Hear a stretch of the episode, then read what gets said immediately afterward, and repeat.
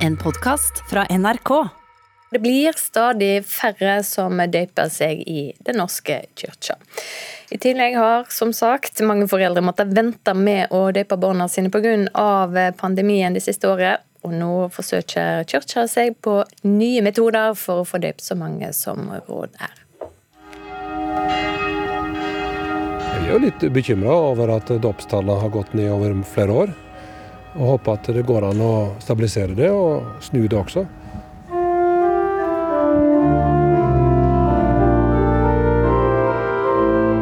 Drop-in-dåp. Altså at du bare kan dukke opp i kirka for å bli døpt.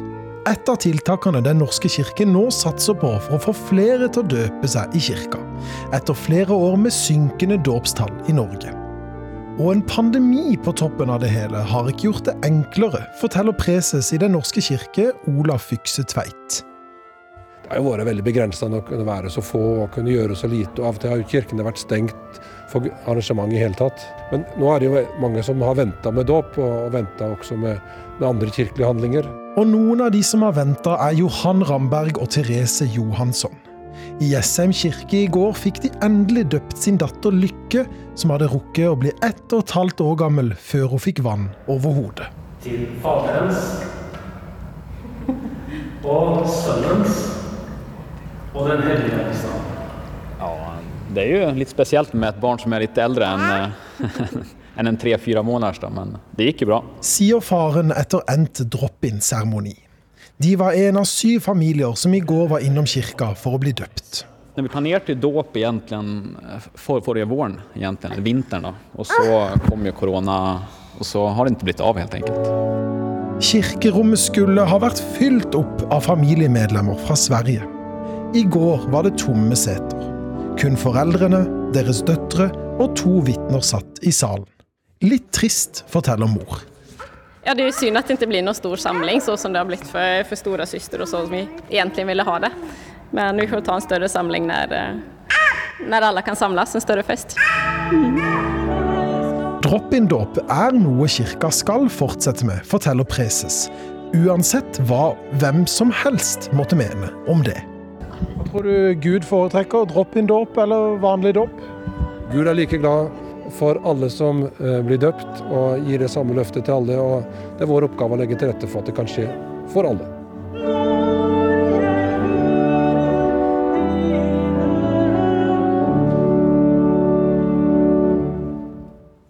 Og vi hørte til slutt preses i Den norske kirka, Olav Fykse Tveit, reporter Christian Ingebretsen.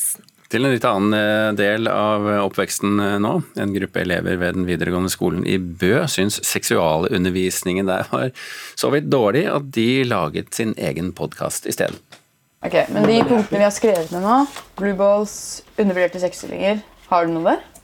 Um, egentlig ikke. Eline Sveinsson Momrak og Fredrik Bischkoff planlegger en ny episode, og skal snart sette seg i studio. Gjennom podkasten Sex og sånn prater elevene ved Bø videregående skole om ulike tema innen seksuell helse. Denne gangen har de fått inn mange spørsmål fra medelever. Det er veldig mye forskjellig. Det er alt fra forelskelse til blue balls og hvordan lesbiske eller jenter har sex med jenter.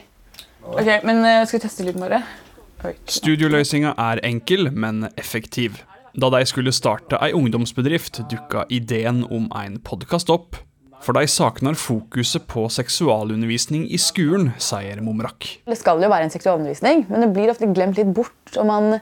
Jeg tror det er mange lærere som ikke vet helt hva de skal gjøre. Hvordan har jenter sex med jenter? har vi også blitt spurt om. Uh, dette er Dette kan jeg ingenting om. De har tatt for seg mange ulike tema, og responsen har vært enorm. Det er et stort behov for at noen, man trenger svar. Eh, og vi er jo ikke noe utdanna, vi er jo ikke noe helsepersonell, vi er ikke noe helsesykepleier eller sexologer. Det er ikke alltid lett å finne informasjon der ute. At det er noen som kan gi den på en enkel måte. da. For å kvalitetssikre fagkunnskapen har de fått hjelp av en mentor. Kom inn! Helsesykepleier i Midt-Telemark kommune Kristin Tobro mener podkasten sin fordel er at de unge lærer bort til andre unge. Kjempemange styrker eh, for å nå ungdommen litt der de er. da. Eh, mer enn hva vi voksne klarer, kanskje. Tobro er også enig i at det burde vært mer fokus på seksuell helse i skolen. Kunnskapsdepartementet mener likevel at tilbudet er godt nok fordi læreplanen dekker seksuell helse i mange ulike fag, sier statssekretær Anja Johansen. Så har vi det tverrfaglige temaet folkehelse og livsmestring, som i betydelig grad åpner for å snakke om dette temaet. Men vi setter i hvert fall kjempestor pris på spørsmål fra dere. Dette I studio går innspillinga mot slutten, og dette er faktisk siste episode. Takk for oss. Takk for oss. Det var litt trist å si. Eh, ha det. Ha det bra. Det kan jo hende at det åpner seg nye muligheter ved en senere anledning. Reporter her, det var Martin Thorstveit. Bildet Mona Lisa av Leonardo da Vinci er kanskje det mest kjente maleriet i verdenshistorien. Nå kan du faktisk kjøpe bildet på auksjon om du vil. Reporter Thomas Alveisen Ove, dette høres ikke billig ut, og kanskje ikke helt sant heller?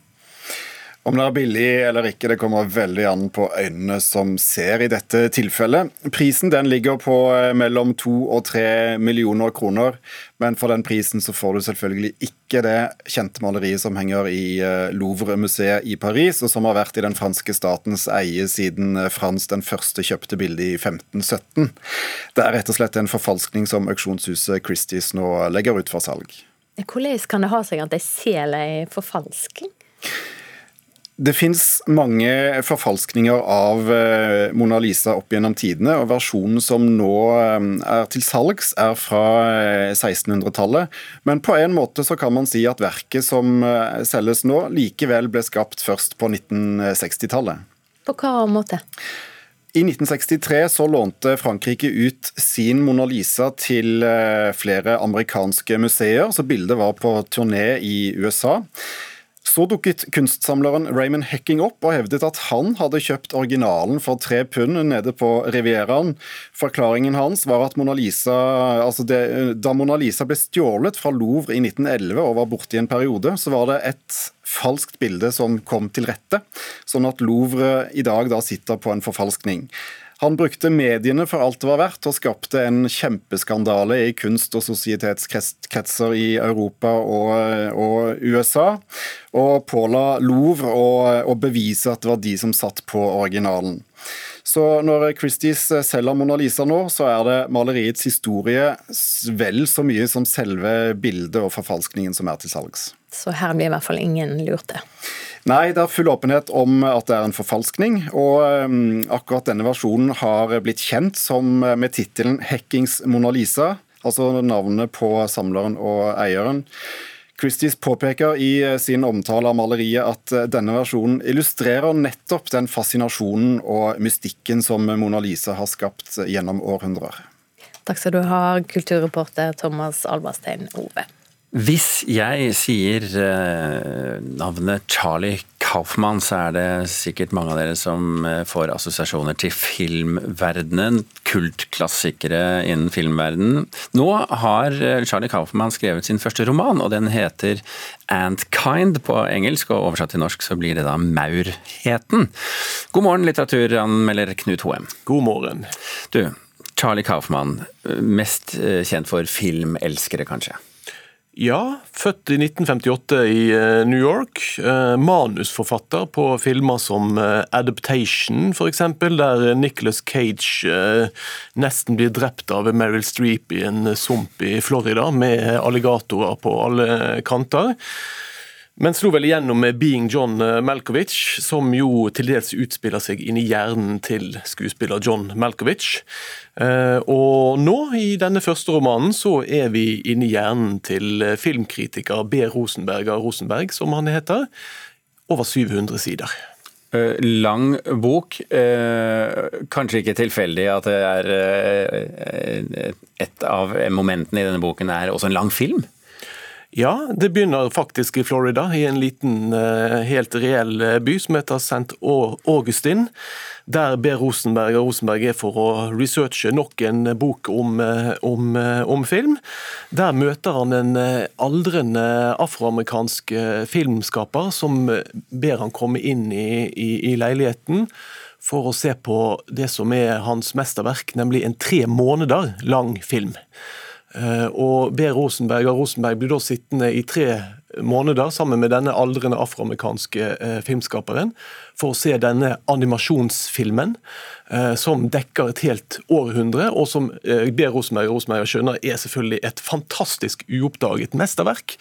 Han tar med seg filmen i en gammel van opp til New York, og skal jo da skrive selvfølgelig den definitive boken om denne filmen og vise den til hele verden.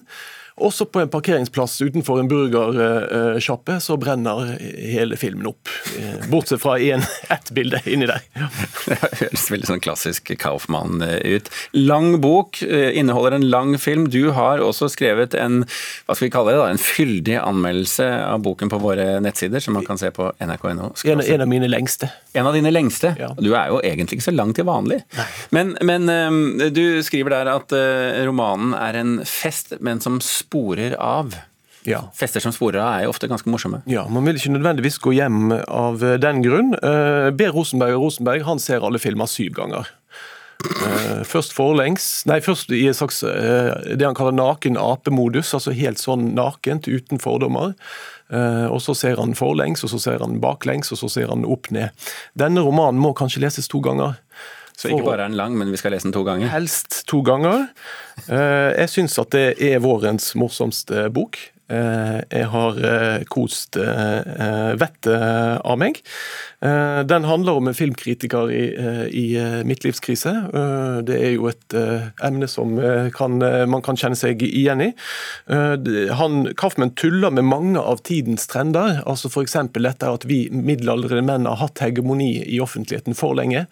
Og Derfor så forsøker han jo hele tiden å kompensere med å være veldig feministisk. Han har skaffet seg en ung afroamerikansk kjæreste. Han skal da løfte frem dette afroamerikanske eh, filmeposet. Eh, så, så, så, så uh, dette her med hvordan vi, uh, hvordan vi organiserer oss akkurat nå i 2021, det er Kaufmann uh, opptatt av. Så, så her er det egentlig bare å sperre seg inne med romanen gjennom sommeren, og, og, og, og, gjerne også se filmen om igjen på kvelden. Ja, og Vi skal, den, vi skal altså lese den, vi skal ikke lese den baklengs og opp ned, men vi skal lese den to ganger. Så er det verdt strevet? Ja, jeg håper det framgår av det til nå har sagt. Dette er en roman som ikke tar livet så veldig alvorlig. Det er fint. Og det er fint.